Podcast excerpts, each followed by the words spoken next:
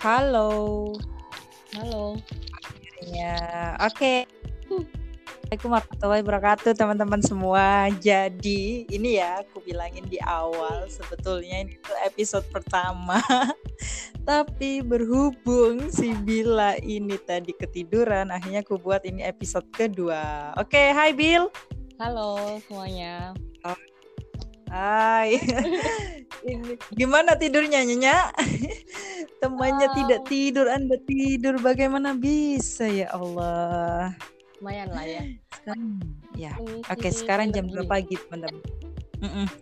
Sekarang jam 2 pagi, oke. Jadi gini di eh, Dir Bill, Gimana gimana? gimana kemarin Gimana, gimana? uasnya? Uasnya gimana kemarin? Lancar? Eh, mantap. Oh, Gak bisa berkata banyak lah. Sekarang lagi Oh iya. Kita jarang banget ketemu teman-teman. Jadinya Hmm. agak apa ya? Ini seperti telepon kangen-kangenan. Aduh. Bener-bener. Jadi eh, Bila ini kegiatannya hampir 11-12 sama aku sih. Dan kita juga sering dikatain mirip ya Bil sama dosen-dosen sering ke ini ketuker. Padahal jelas Padahal beda juga nggak mirip gitu. jelas-jelas. Nah, ya betul jelas-jelas betul. ini betul. pakai kacamata gitu kan. Ya. Nah, makanya. Oke, kita mulai dari yang pertama. Ini ada beberapa pertanyaan udah aku rangkum Hmm. sih. Eh, kita mulai aja dari yang paling gampang ya di sini ya. Kapan terakhir kali makan? Dan ini dari Risma Novita 05. Kapan ya? Aku terakhir makan malam. tadi Malam jam 7. Jam 8. 1 2 3. Jam 8 kayaknya. Aku 7 7 jam yang lalu. Aku 7 jam yang lalu karena sekarang jam 2 2 pagi teman-teman beneran jam 2 pagi ini bener-bener bila ya Allah. Kamu jam berapa tadi, Bil? Jam 8, 6 jam yang lalu berarti. Jam 8. Ya, oke, sip. Kita tidak boleh terlalu eh, makan banyak di malam hari ya. Mantap. Oke. Kemudian ini ini agak sarkas sih. Ini dari temanku Iren DY. Hmm. Cara berat badan nggak naik gimana nih bagi tips? Ini sarkas ini beneran Waduh. sarkas. Kalau untuk saat ini Gimana, di kondisi yang sekarang kayaknya susah ya. Aku sendiri juga suka kalau sekarang. Hmm. Tapi kalau di kehidupan normal sebelumnya menaikkan berat badan itu Oh, adalah iya. hal yang sulit. Sulit, betul betul betul betul benar benar benar benar benar benar benar. Iya, kalau misalkan sekarang kan lagi masa pandemi dan di rumah aja gitu kan. Kita kan biasanya itu habisnya itu gara-gara banyak kegiatan dan sekarang kan kegiatannya di rumah semua gitu loh. Jadinya ya berkegiatan sambil makan. Lagian dulu itu kita Jadinya ini eh, agak berat badan kita hilang gimana gimana? Dulu itu berat badan kita hilangnya di jalan. Oh iya betul. Kita ke ah. kampus aja berapa jam sendiri. Pulang berapa Iya, jam. iya, ha-ha. Hmm. Iya, jadi teman-teman aku sama Bila itu sama-sama PP, kegiatannya 11-12 samanya. Jadi ya gitu. Memang ini agak sarkas sih sama teman-teman. Memang kita itu apa ya, makan itu kayak nggak ada ininya. nggak ada yang nempel gitu loh. Dulu memang kurus banget, tapi ini pandemi ini aku alhamdulillah sih udah udah 4 kilo naik. Kamu gimana, Bil? Belum timbang aku. Biarkanlah. Oh belum. Biarkanlah surprise nanti tahu-tahu gemuk gitu Hmm. aja. Udah. Oh, ini Bill. Hmm, ini ada ini dari ini sih ada dua orang tapi ini seperti nggak sepertinya memang pertanyaannya itu sama dari Ika Sibujang dan Bella Purnamas. Ika ini temanku di kantor Miss Ika aku biasa panggilnya. Dan kalau Bella kan teman kita tuh. itu pertanyaannya you both ever fight. Jadi pernahkah kalian berantem? Wow. Pernah nggak Bill? Berantem. Ya, ingatku. Kayaknya enggak sih. Mm-mm. Jarang kita Enggak tuh ya? Gini, soalnya kita sama-sama bukan tipikal orang yang gampang masukin hati sih. Hmm. Soalnya kita juga kalau ngomong ya gimana gitu. Bukan gimana gitu ya, emang ya apa ya? apa gitu. Ya udah kalau misalkan ada- beda beda pendapat ada sesuatu. beda pendapat sih heeh. Kalau yang berantem berantem sampai nggak nyapa gitu nggak pernah Bener-bener. Nggak pernah dan nggak ingin juga sih. Karena memang nggak ada yang perlu diberantemin. Sama-sama udah bisa berpikir kan? Betul betul. Sip sip sip. Nggak ada sesuatu yang buat kita Oke. harus berantem. Apa coba? Nah ha apa coba? Pengen berantem. Ayo, kita tiap hari kalau misalkan berantem beranteman gitu apa ya? Berantem ya masalah- sekedarnya masalah cowok. Oh, oh, orang Masalah sahabatan cowok. gitu sih. Apa? apa? Apa apa Bil? Jadi, apa Bil ya itu Allah. kadang berapa? Orang deket itu kadang ada beberapa hal yang buat dia berantem. Ah, ah, betul Ya. betul betul. Salah satunya gara-gara cowok. Lah kita apa coba? Iya, ah, ah, ah, ah, ah, ah. Iya sih. Tapi aku dulu sama sahabatku tuh kayak sama si Via, sama terus sama siapa namanya, sama sama Icus. Itu kan dua sahabatku. Kita dulu pernah pernah ini sih, nggak nggak cekcok gitu, enggak. Cuman kalau menurutku kita mengagumi satu orang yang Hmm. sama itu kayak apa ya?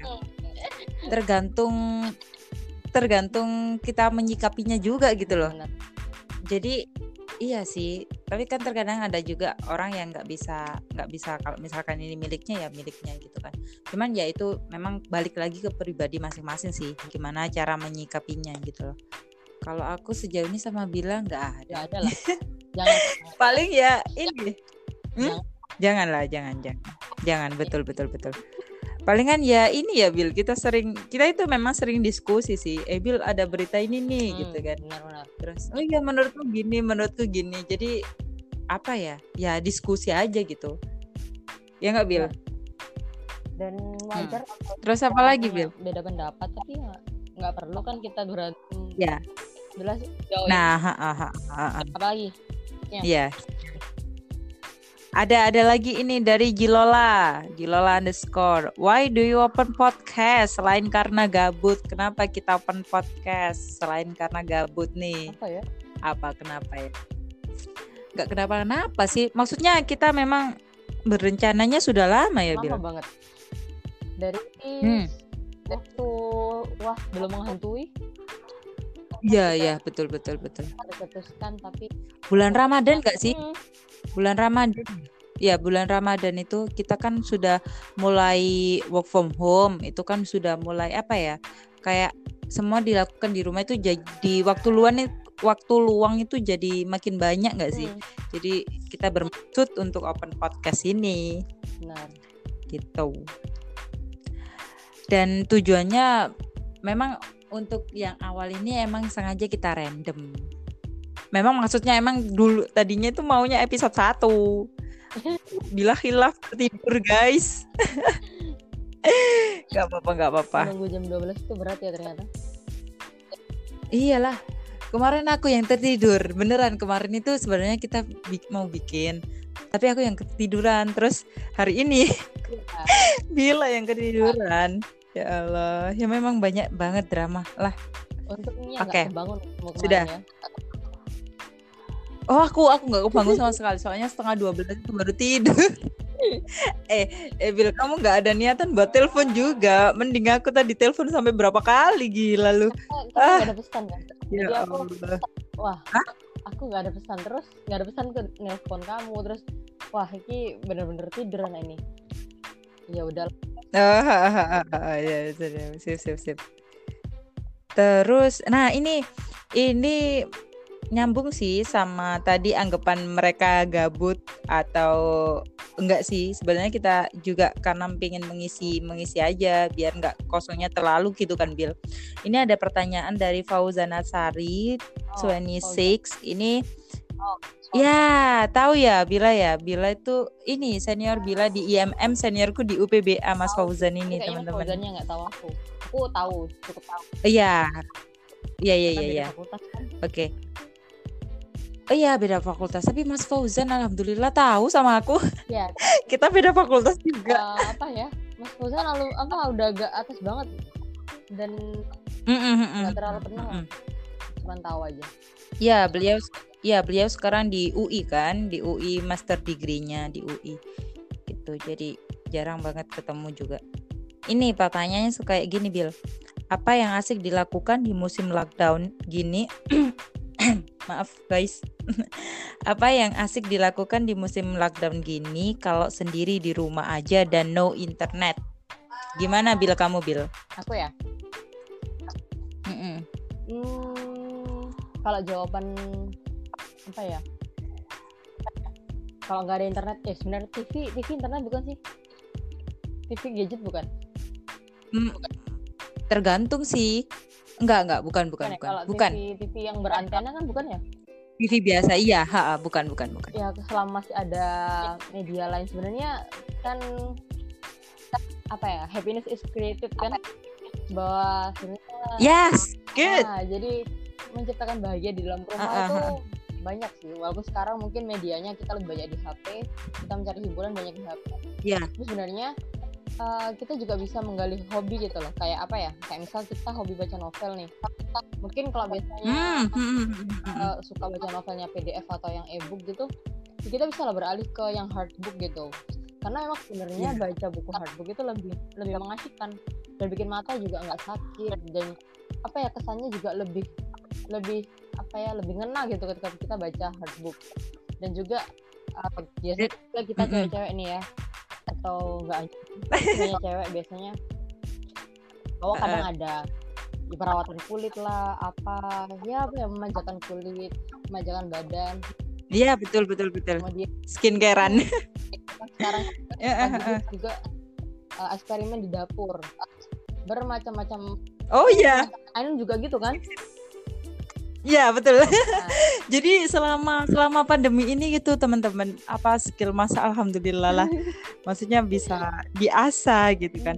Dan lagi bener tadi kata Bila kita bisa apa baca novel dari yang ebook bisa jadi hardbook selain yang disebutkan Bila tadi juga kita bisa dengan membeli hardbooknya itu tadi kita juga menghargai hmm, penulisnya betul, juga betul. gitu loh. Jangan gratisan aja. gitu kan. Nah, terus selain itu juga kalau dari aku bener juga skincarean itu mungkin buat cewek-cewek. Karena ini yang tanya cowok em, menulis mungkin kalau misalkan menulis ya? Kalau misalkan nulis adalah hobinya. Dan ini aku pernah baca Mas Fauzan ini termasuk penulis buku juga teman-teman. Jadi waktu itu aku pernah dikasih bukunya yang launcingan pertama kalau nggak salah. Oh ya. Itu masalah oh, tensi. uh, tensi. Nah, ya yang waktu itu kita diskusi sama Amir juga ya waktu itu ya. Mm-mm, IMM juga. Jadi itu luar biasa juga. Dan itu mungkin bisa yang hobinya menulis bisa menulis, yang hobinya masak bisa masak, terus kemudian dan apa ya memanjakan diri. Betul betul Nah, betul. Kayak gitu tadi. gambarannya seperti itu- itu sih. cowok itu biasanya banyak yang suka kayak apa ya mendesain dan lain-lain. musik nggak sih? Oh nggak musik. bisa ya betul Nah, betul, aku tuh kan dulu musik. apa ya ya pernah kan berasrama enam tahun. Di mana enam tahun berasrama itu Mm-mm, udah berasa lockdown gitu kan kita nggak ada internet kita ya di dalam Iya. ruangan situ nggak bisa keluar ke mana-mana isinya di situ lah hidup kita. Bedanya mungkin iya dulu betul.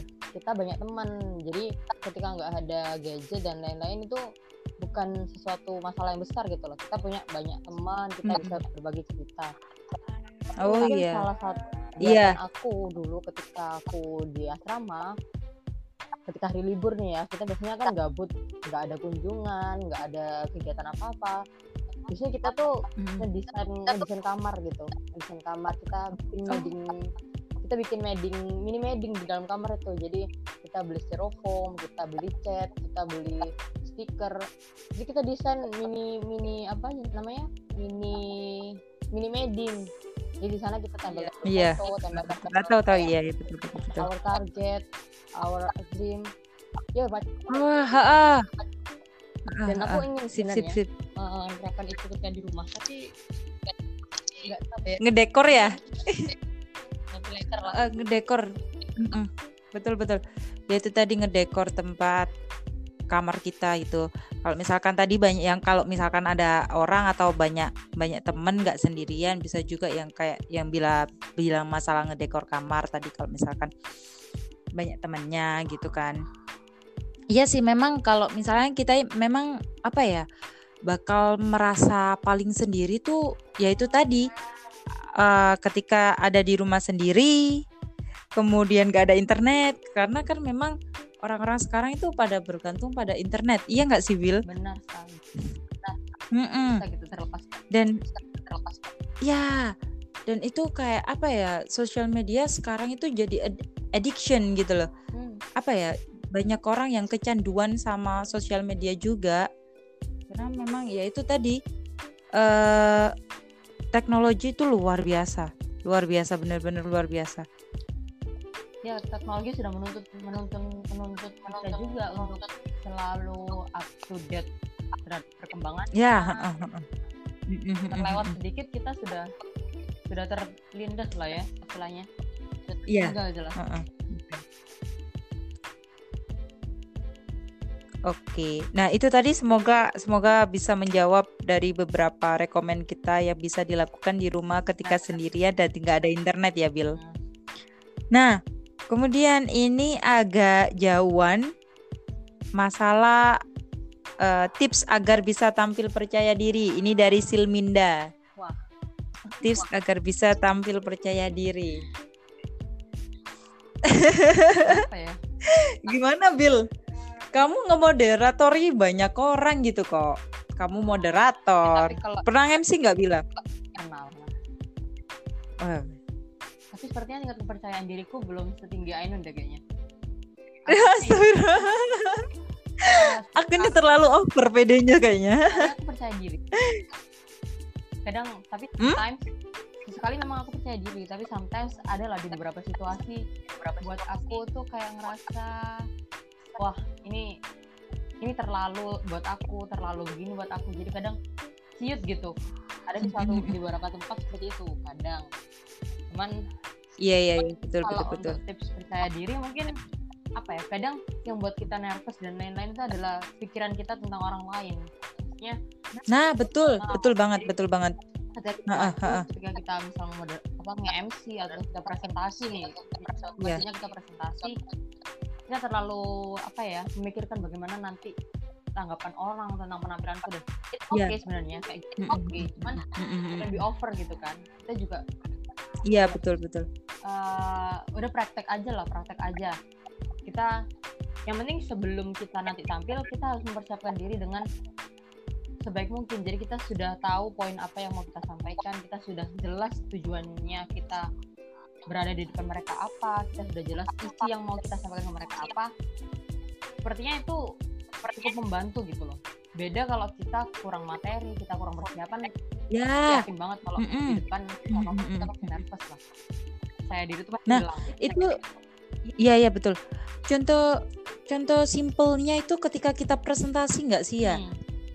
Ah, nah kalau misalkan kita nih kurang baca, ba- padahal baca dalam presentasi itu seperti pondasi. Hmm, benar. Fondasi dalam presentasi ya enggak sih? Kalau misalkan kita kurang kurang baca kita ketika maju di depan orang pun bakal kelihatan banget kalau enggak well pre- well prepared gitu loh. Mm-mm. benar. Karena aku rasa sama ini eh, apa? Gimana Mm-mm. sama apa? Enggak kamu dulu aja. Iya udah udah gimana? Kerasa kamu iya. Heeh. nah Em, gini. Dan ini kalau menurutku juga sih perlu latihan juga bertahap juga sih. Hmm, Ingat nggak dulu ketika kita ada materi spoken class itu kan kita dituntut benar-benar dituntut iya. untuk bicara bahasa Inggris di depan orang. Nah itu untungnya lecturernya kita itu menuntun kita itu dari yang dasar mulai dari ngobrol sama diri sendiri pakai recording, kemudian nanti naik sama video, naik lagi ke presentasi beneran gitu nggak sih? Jadi itu ada step by stepnya juga. Jadi di situ nanti pembiasaan itu ada bakal ada gitu. Akhirnya jadilah manusia-manusia yang pede.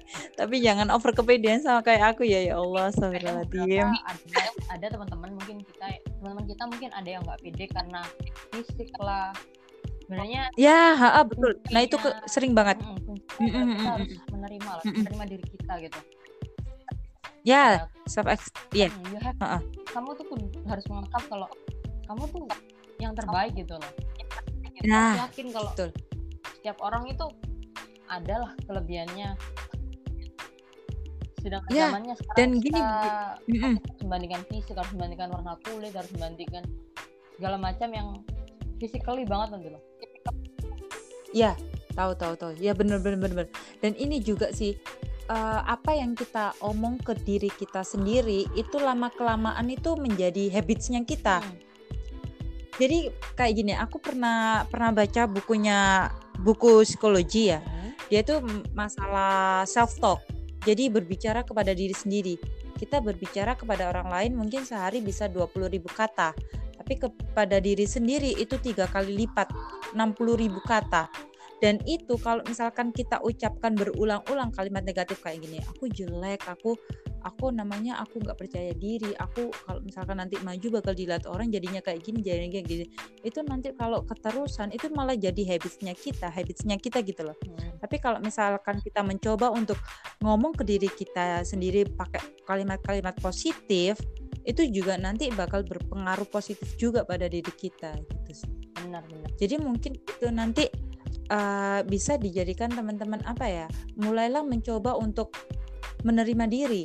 Jadi self love juga, self acceptance juga, terus apalagi tadi.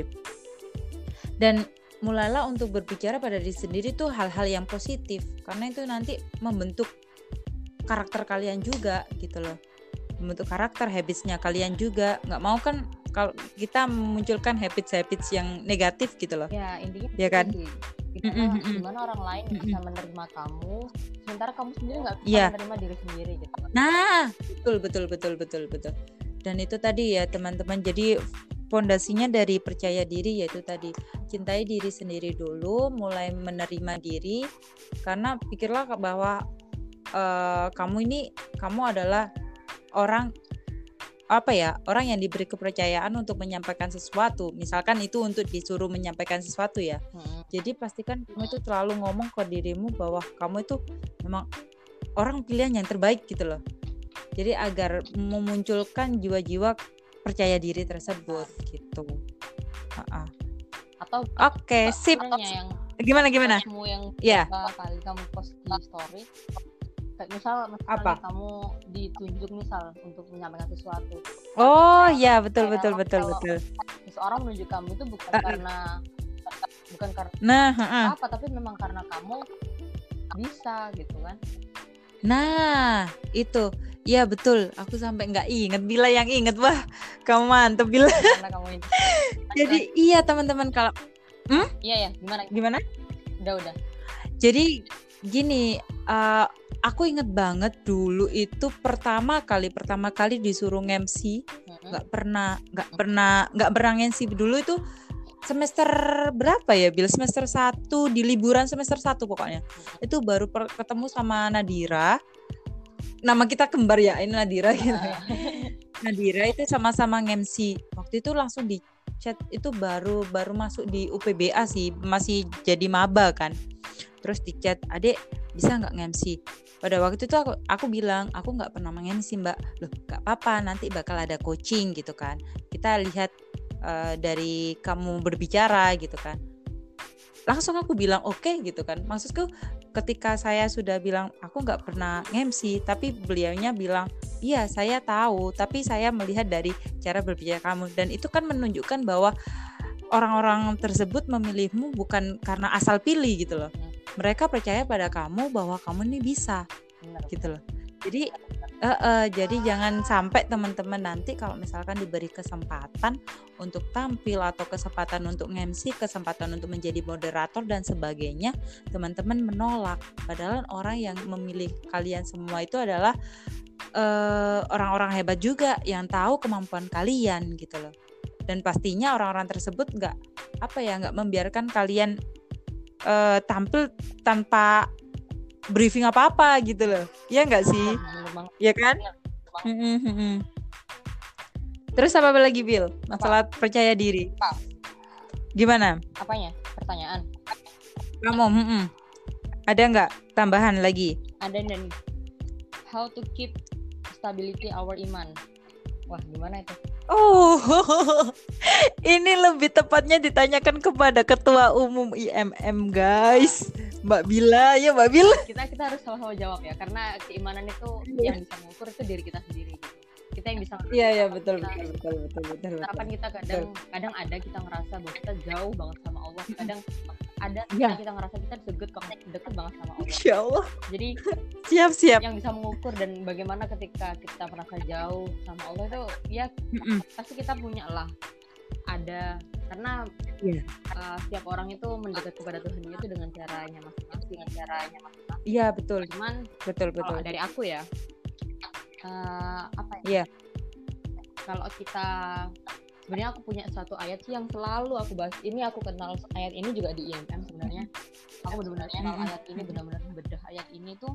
Ketika aku di IMM itu ada di Ali Imran ayat 110 di situ dijelaskan bahwa dijelaskan bahwa ada tahapan sebelum kita dikatakan beriman itu adalah uh, amar ma'ruf nahi mungkar. Jadi sebelum kita dipastikan kita beriman hal mendasarnya adalah amar ma'ruf nahi nahi mungkar. Jadi ketika kita sudah beramar ma'ruf pasti uh, maksudnya ketika kita sudah berbuat baik pasti kita akan berupaya untuk meninggalkan hal-hal buruk yang lainnya nah Iya ada betul upaya betul betul betul sih.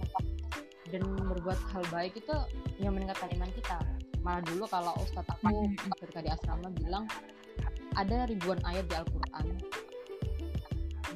tapi ada beberapa ayat yang awalannya adalah ya ayuhaladina amanu di mana wah, Iya betul betul tulisannya wah eh, wahai orang-orang yang beriman begitu banyak ayat yang menunjukkan ini. Itulah sebenarnya kunci kita untuk meningkatkan iman. Seperti uh, perintah puasa itu. Nah kalau dari Anan sendiri gimana?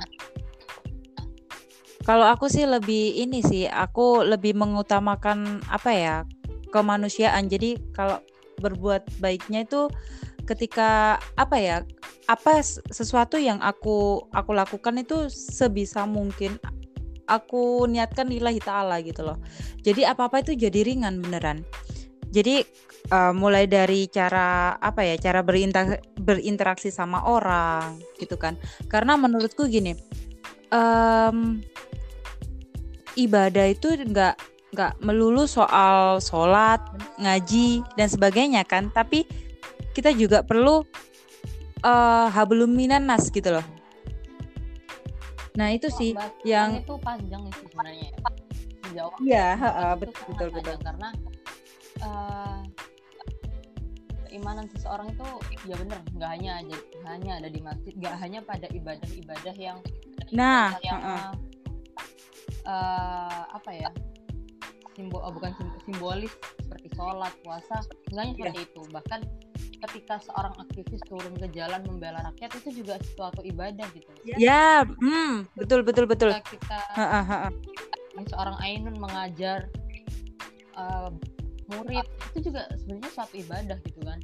Nah, bagaimana kita berniat di dalamnya itu cuman eh, masya Allah. yang mungkin bisa kita lakukan adalah kadang aku ngerasa jauh tuh kalau aku benar-benar ngerasa pernah lah ada satu momen aku kadang kita keras iya aku juga pernah sih tuh Heeh. semua kadang semua urusan itu berantakan kadang nah iya betul benar-benar ngerasa Betul banget, di Dit. situ Ya Allah. sepertinya Allah menjauhi kita gitu kayak semua hal yang aku Iya. salah sepertinya salah gitu di situ biasanya Heeh. memang aku kayak sepertinya sedang jauh aku jauh dari Al-Quran mungkin sholat mungkin aku hanya Hmm. formalitas sholat lima Hmm. waktu Gitu. jadi tambah. Ya, iya gimana ini? Ya Allah. Ya Kalau betul betul. aku selalu ditegur itu kamu sama anak SD itu sama gitu loh.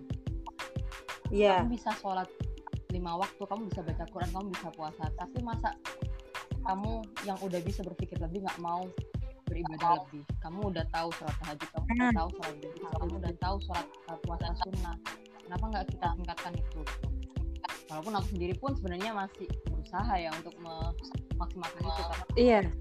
jujur ketika ada di rumah maksudnya kalau dulu di asrama mungkin terkontrol ya. Sekarang harus Iya. kesadaran sendiri dan itu memang sulit membangun kesadaran nah sendiri. betul sih. Ya heeh. harus benar-benar kesadaran. Soalnya ini juga banyak sih apa namanya cerita-cerita gitu. Bila kan dulu dari pondokan gitu kan teman-temanku juga beberapa ada ya ada yang dulunya mondok. Itu ketika pulang pun sharingnya seperti itu ketika di pondok itu memang kita terkontrol ya. Hmm, jadi sholat itu segala macamnya itu semuanya terkontrol. Tapi ketika sudah pulang ke rumah itu seperti apa ya? Kayak burung Ya, dilepas dari kita harus bener-bener iya bener-bener bener-bener apa namanya mengontrol diri kita. Hmm, sholat harus tetap sunnahnya juga segala macem gitu kan bener. Mm-mm. ya sih bener-bener gitu. Makanya ketika anak pun Iya, dan ibadah itu bukan suatu apresiasi gitu loh.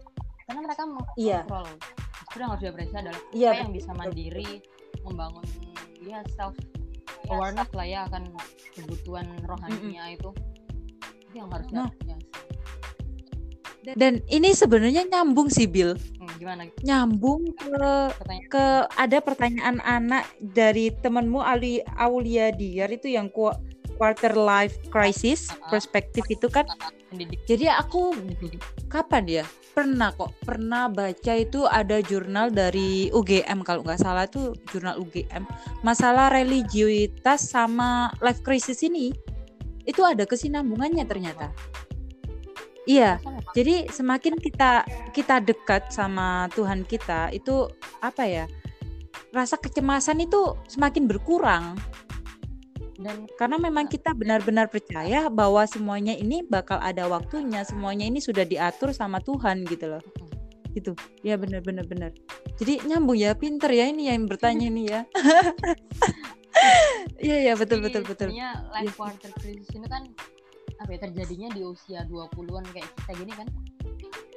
Iya 20 sampai 30 Oh, 30 30 Kita tahunan. khawatir Tapi- kan. Mm, apa? Eh, Ya, eh, gini eh, kalau aku mikirnya mungkin karena ini memang masa peralihan dari remaja ke dewasa dewasa dewasa muda early adult gitu kan jadi em, tapi tingkatan dewasa di sini tuh juga nggak bisa diukur dari umur? Bil. Iya, soalnya gini Bill, ada orang, ada orang, eh maaf ya ini agak rame soalnya bibiku. Em, ada orang, ada orang apa namanya? Ada orang yang bilang bahwa umur 17 itu sudah mulai dewasa karena mungkin eh, mereka sudah bisa bikin KTP, bikin SIM, bikin bikin akun-akun bank sendiri gitu. Mungkin seperti itu ya. Kemudian ada yang bilang eh, 19 tahun itu sudah mulai dewasa juga karena memang di umur 19 tahun sudah diperbolehkan untuk menikah. Itu betul. Kemudian ada juga yang bilang umur 21-an. Mungkin karena kita sudah bisa memegang tanggung jawab lebih. Mungkin seperti itu. Tapi ya itu tadi dengan konklusi seperti itu dengan perspektif yang banyak seperti itu kita tidak bisa ngomong bahwa oh umur segini tuh sudah dewasa, oh umur segini dewasa. Tidak bisa kan? Tuh pemikiran. Karena memang iya. Tuh pemikiran Iya, betul betul betul. Dewasa itu pemikiran, iya. dan itu dibentuk melalui pengalaman melalui bagaimana kita bertemu ah, berapa banyak orang yang kita temui berapa banyak masalah Mm-mm. yang sudah kita hadapi ya itu yang membentuk kedewasaan Iya. membentuk kedewasaan Iya, iya, betul betul. nah Jadi teman-teman, mungkin teman-teman ini eh agak menambahi tadi yang dibilang bila quarter life crisis itu apa ya? eh, seperempat abad umur manusia gitu loh. Krisis-krisis yang ada pada seperempat abad itu. Jadi sekitar umur 20 tahunan sampai 30 tahunan itu. Di antara itu. Memang itu ciri-cirinya seperti apa, Bill? Kasih tahu, Bill.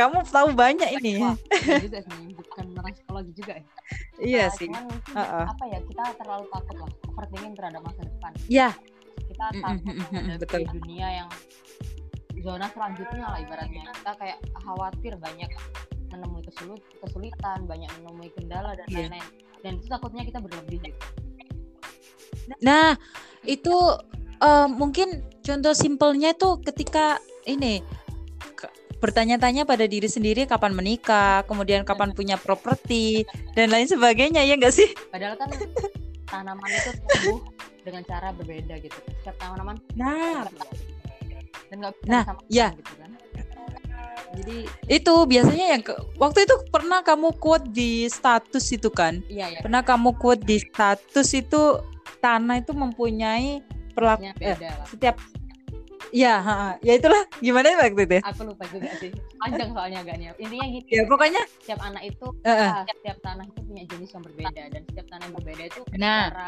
merawatnya itu berbeda gitu kan. Jadi nah betul betul betul, menyamakan betul. Tanah ini bisa ditumbuhi tanaman ini, tanaman yang lain nggak mesti bisa gitu kan. Jadi harus ya sesuai sama jenisnya. Dan kita yang tahu gitu Betul. kita seperti apa itu kita. Nah tapi ini pertanyaannya ke perspektif pendidik nih.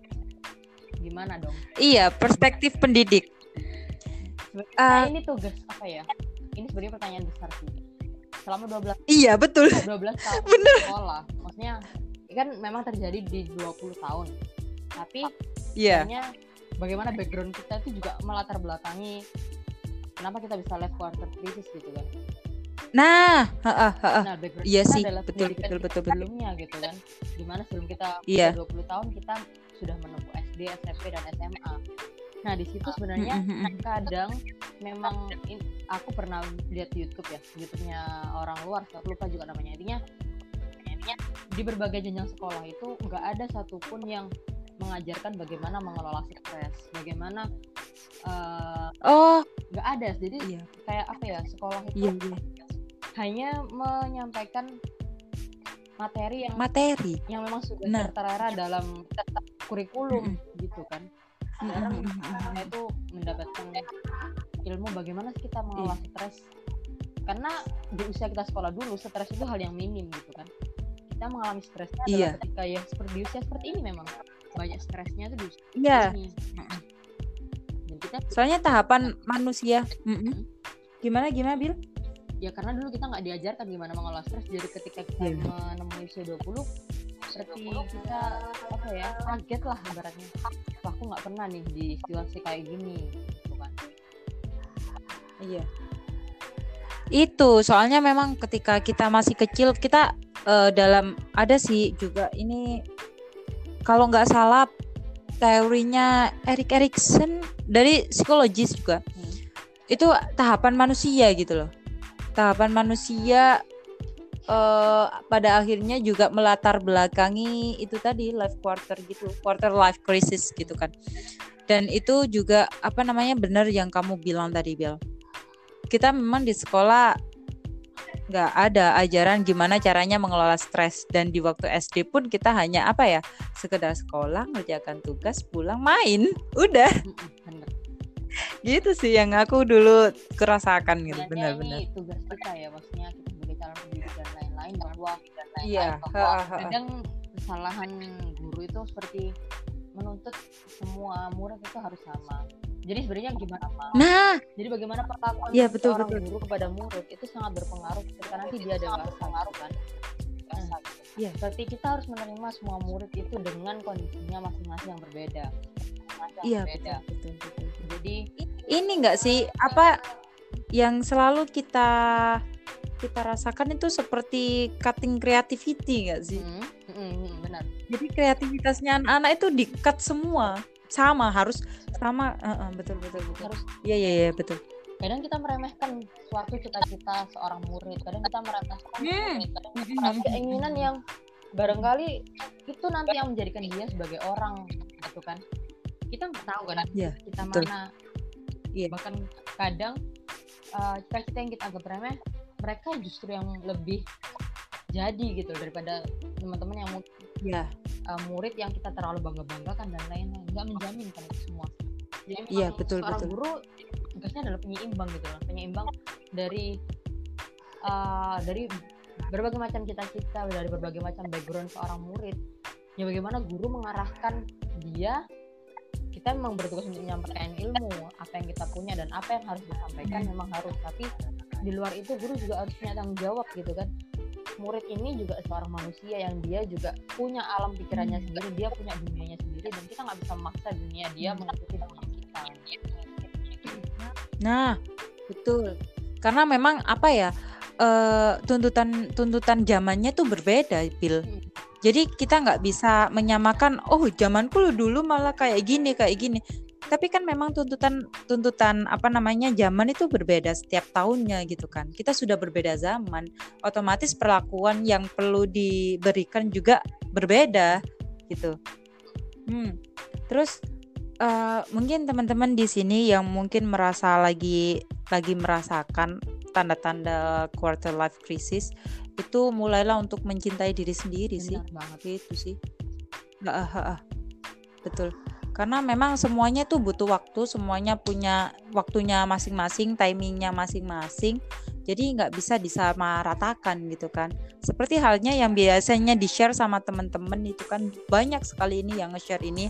Masalah yang bisa langsung lulus kuliah tapi harus nunggu berapa tahun untuk kerja. Ada yang harus lulus kuliah berapa tahun tapi setelah kuliah langsung bisa kerja itu kan memang timingnya masing-masing. Nah, jadi nggak bisa kita samakan kita usia 20 tahun kita harus sama dengan yang lainnya. Usia 20 tahun ada yang mm -hmm. ada yang usia 20 tahun sudah ada yang yeah. 20 tahun sudah ada yang lulus. Iya yeah, betul. Betul nggak bisa kita samakan kita bakal yeah. sama dengan mereka gitu kan. Dan ini sih mulailah untuk ini juga oh ada Bill kemarin itu masalah mungkin ini bisa sedikit mengurangi quarter life crisis ya. Jadi ada relationnya itu antara sosmed addiction sama self esteem juga. Karena di mana di sosmed di sosmed itu kita terbiasa untuk melihat terutama uh, salah satu platform yang biasanya kita share stories, post dan segala macam itu kan ya. Nah, itu kan uh, apa namanya? Uh, apa namanya? lebih ini loh Bill sering jadi sering membandingkan sama orang ah. lain. Nah, itu juga salah satu pemicunya juga. Jadi teman-teman sebisa mungkin bisa bijak dalam menggunakan sosial media gitu loh. Uh. Standar kita jadi beda kan. Gitu kita paling dengan Iya. Nah, sangat berpengaruh. Hmm. Dan itu yang menyebabkan ya. Dan itu yang menyebabkan apa? self talknya ke diri sendiri tuh jadi negatif hmm, karena kita berusaha untuk membandingkan dengan orang lain hmm. dan apa ya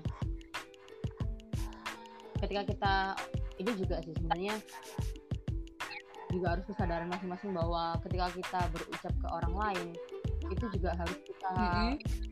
pertimbangkan gitu loh. Kadang nggak iya betul betul betul. itu bisa dianggap remeh sama orang. Makanya apa kita harus kan kewajiban kita adalah share love gitu kan share share apa ya share yeah. Gitu kan yang buat kita yeah, betul, yang betul. buat seorang itu menjadi negatif itu karena dia terlalu banyak menerima aura-aura negatif. Sehingga yang dia keluarkan juga akhirnya negatif. Negatif. Iya betul. betul betul betul. juga harus positif dan yang yeah. sebagai kaum sosial juga bersosial dengan baik. Jadi hmm. itu yang baik gitu. Iya. Ini sih dan biasanya apa yang kita follow follow itu juga termasuk mem mempengaruhi pola pikir juga sih. hmm, sangat. Jadi apa yang kita soalnya itu secara tidak langsung itu mempengaruhi otak kita gitu loh. Jadi semacam apa ya serum atau apa kalau misalkan kita kita apa bicara kalau nggak tahu namanya gitu kan ya. Jadi semacam apa ya vitamin gitu loh buat kita gitu loh. Uh -uh. jadi kalau terus-terusan dikonsumsi kan ya itu tadi berujungnya pada self talk kita self talk kita kalau misalkan itu positif baiknya jadi positif kalau misalkan itu negatif jadinya ya negatif. Dan itu nanti yang membentuk habitnya kita juga gitu. Nah, gitu sih. Mm -mm, bener bener bener. Wah iya social media addiction iya betul betul sudah menit ternyata kita Oh iya, hampir satu jam gila. Ternyata sih bener ya Allah. Jadi uh, itu tadi udah ya Bill. Apa mau ada yang disampaikan lagi? Udah sih kayaknya itu aja ya. Iya, 43 menit mau 44. Oke, siap. Jadi teman-teman itu tadi random apa namanya? random random apa? Kan ya aku jadinya ini mulai astagfirullahaladzim. Nanti habis itu ya random discussionnya aku sama Bila. Jadi semoga teman-teman yang mendengarkan ini bisa mengambil positifnya apa, negatifnya apa. Uh, dan mohon maaf sekali kalau misalkan podcast kita masih kurang asik atau gimana ya. Karena ini memang baru pertama kalinya dan we have done our best gitu. We give our best. ya nggak ya. Bill? ya Allah sampai jam mau jam tiga malam setengah tiga ini eh, jam tiga setengah pagi. Gila tadi kenapa kita bikin ini ya mencoba hal baru gitu. Nah, ya dan kita tanpa kita tahu juga ternyata podcast ini lebih user friendly nggak sih? Hmm. Ya kan? Ini cukup kayak nelpon gini kan? kayak nelpon bahas terus dikirim. Kita yang punya Mm-mm. permasalahan pada percaya diri sebenarnya ini bisa loh dijadikan satu, Nah. satu platform Ya, pemikiran banget. satu platform kita Betul betul betul. mengasah diri lah sebelum nanti kita tampil dengan muka karena kan ini cuma suara aja gitu kan Ya, ha-ha. Nah itu betul banget betul banget. Jadi untuk teman-teman semua ini juga tadi menyambung dari percaya diri juga. Kalau misalkan mau latihan juga ini bisa menjadi ajang juga kan ya. Tanpa menunjukkan muka kita cukup suara kita melatih percaya diri kita nanti kalau misalkan memang sudah sudah apa namanya ra- dirasa percaya diri nah itu nanti bisa dicoba ke jenjang yang lebih tinggi gitu ya betul betul betul banget ini sip sip oke sudah. Maaf, ternyata Sudah, sudah setengah tiga lebih. Sudah setengah tiga pagi teman-teman. Selamat pagi semua. Morning. Habis ini kita harus ya nunggu subuh lah. Nunggu subuh terus. Habis apa? Kegiatan apa Bil hari ini nanti Bil? Ya nyelesain laporan sepertinya nah oh iya laporan. Aku iya ini mau selesai juga. Lagi mau proses nyelesain KKN ku yang tinggal separuh. Mantap nanti juga harus ngajar oke ya buat sip teman-temanku juga semangat Mantap. KKN-nya Oke. Oh iya teman-temanku yang KKN reguler semangat untuk kalian semua. Semoga diberi kelancaran. semoga mengharap Ya kita ambil positifnya. Bisa ketemu lah ya walaupun virtual Ya, virtual. Ya siap-siap. Ya gitu tadi teman-teman semua. Kami eh, aku dan bilang mohon maaf kalau misalkan ada salah kata atau gimana. Insya Allah kita akan bikin episode yang selanjutnya. See you. dadah Bill, salam dulu Bill. Oke, pamit dulu semuanya. Wassalamualaikum warahmatullahi wabarakatuh. Wabarakatuh. Dah. Thank you. Thank you for listening.